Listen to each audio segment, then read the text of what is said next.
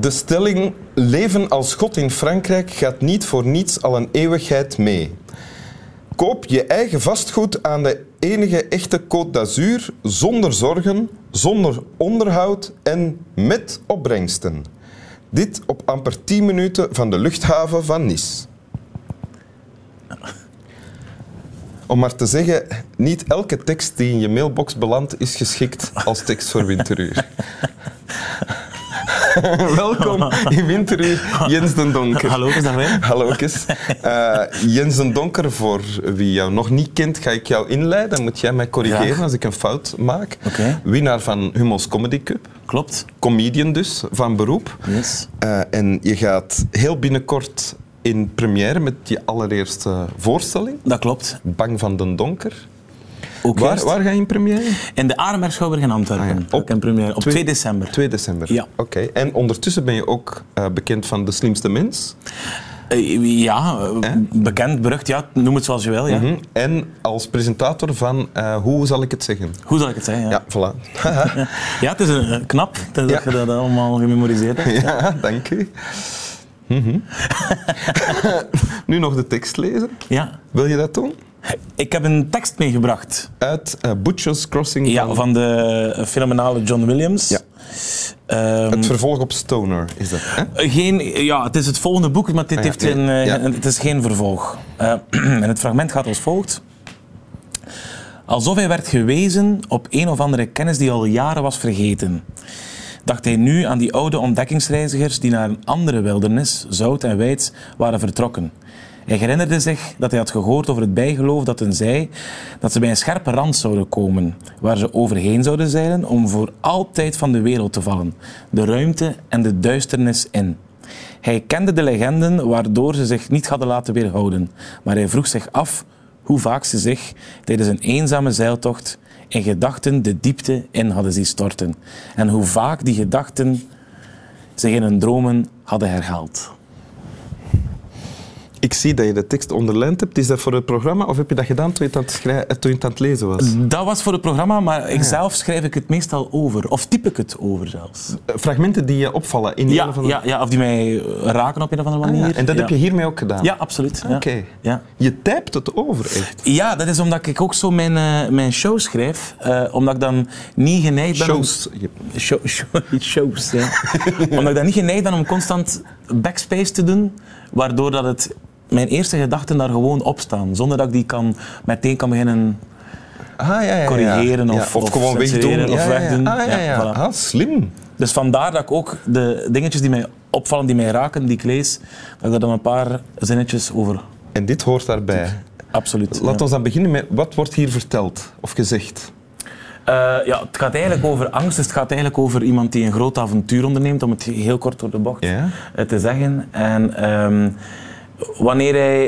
Ik vind dat dit een heel goede metafoor, omdat het eigenlijk zegt van... eh, door echte grote angst, echt fundamentele angst, ga je alles in twijfel trekken. Zelfs wanneer dat je weet dat, dat het puur legendes zijn, wanneer dat je weet dat het allemaal eh, ja, Bijgeloof is. bijgeloof is, dan nog begint je aan alles te twijfelen. Dat is de, ja, de, de verwoestende kracht van angst, denk ik, dat het iedere pijler, ieder fundament bij jezelf kan weghalen. Oké. En ah, wacht, dus als ik het fragment goed begrijp, dat hij denkt terug aan hoe het moet geweest zijn ooit voor ontdekkingsreizigers, Ja.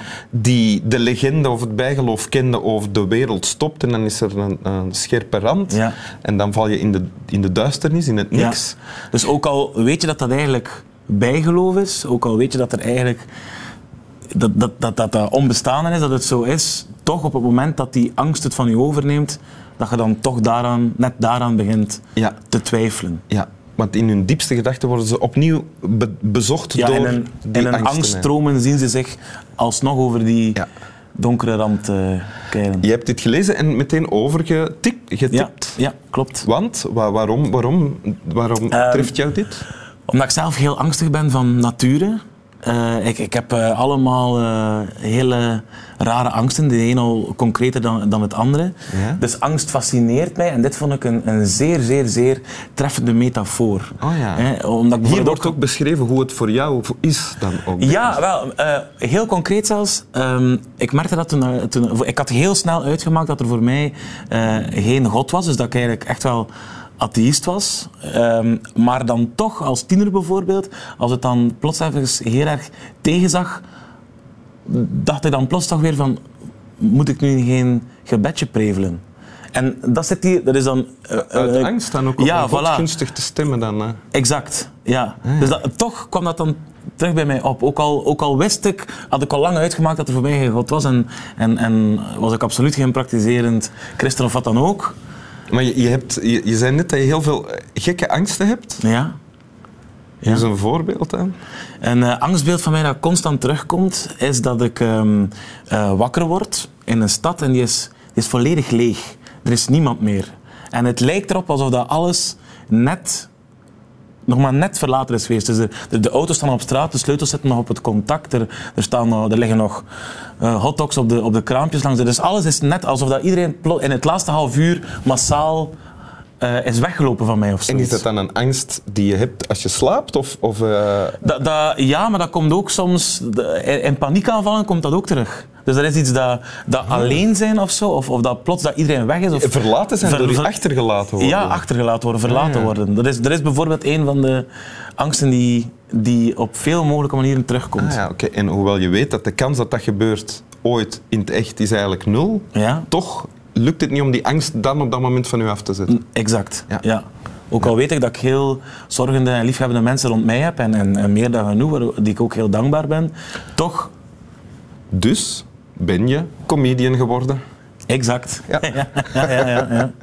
Sommige mensen zullen nu denken, hoezo, wat is het verband eh, tussen die twee? Ja, de meeste comedians blijken toch niet zo de, de allergelukkigste mensen. Of, of misschien wel gelukkig, maar, maar hebben toch heel veel twijfels, heel veel angsten, heel veel eh, ja, innerlijke demonen die ze Ja. toch moeten overwinnen. hè. Ik heb dat ook gelezen. Ja.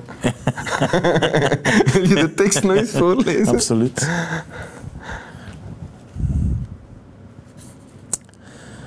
Alsof hij werd gewezen op een of andere kennis die al jaren was vergeten, dacht hij nu aan die oude ontdekkingsreizigers die naar een andere wildernis, zout en wijds, waren vertrokken. Hij herinnerde zich dat hij had gehoord over het bijgeloof dat hen zei dat ze bij een scherpe rand zouden komen, waar ze overheen zouden zeilen om voor altijd van de wereld te vallen, de ruimte en de duisternis in. Hij kende de legenden waarvoor ze zich niet hadden laten weerhouden, maar hij vroeg zich af hoe vaak ze zich tijdens een eenzame zeiltocht in gedachten de diepte in hadden zien storten en hoe vaak die gedachten zich in hun dromen hadden herhaald. Dank u. Snap wel.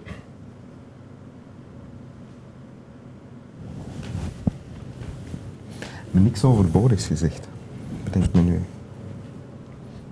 Uiteindelijk ben ik, ben ik de ster. hè. Dat is waar. Dat is wel waar.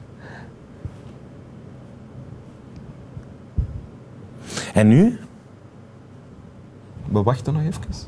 Oké.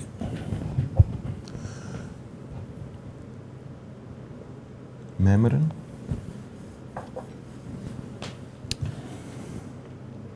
En voilà. Aha.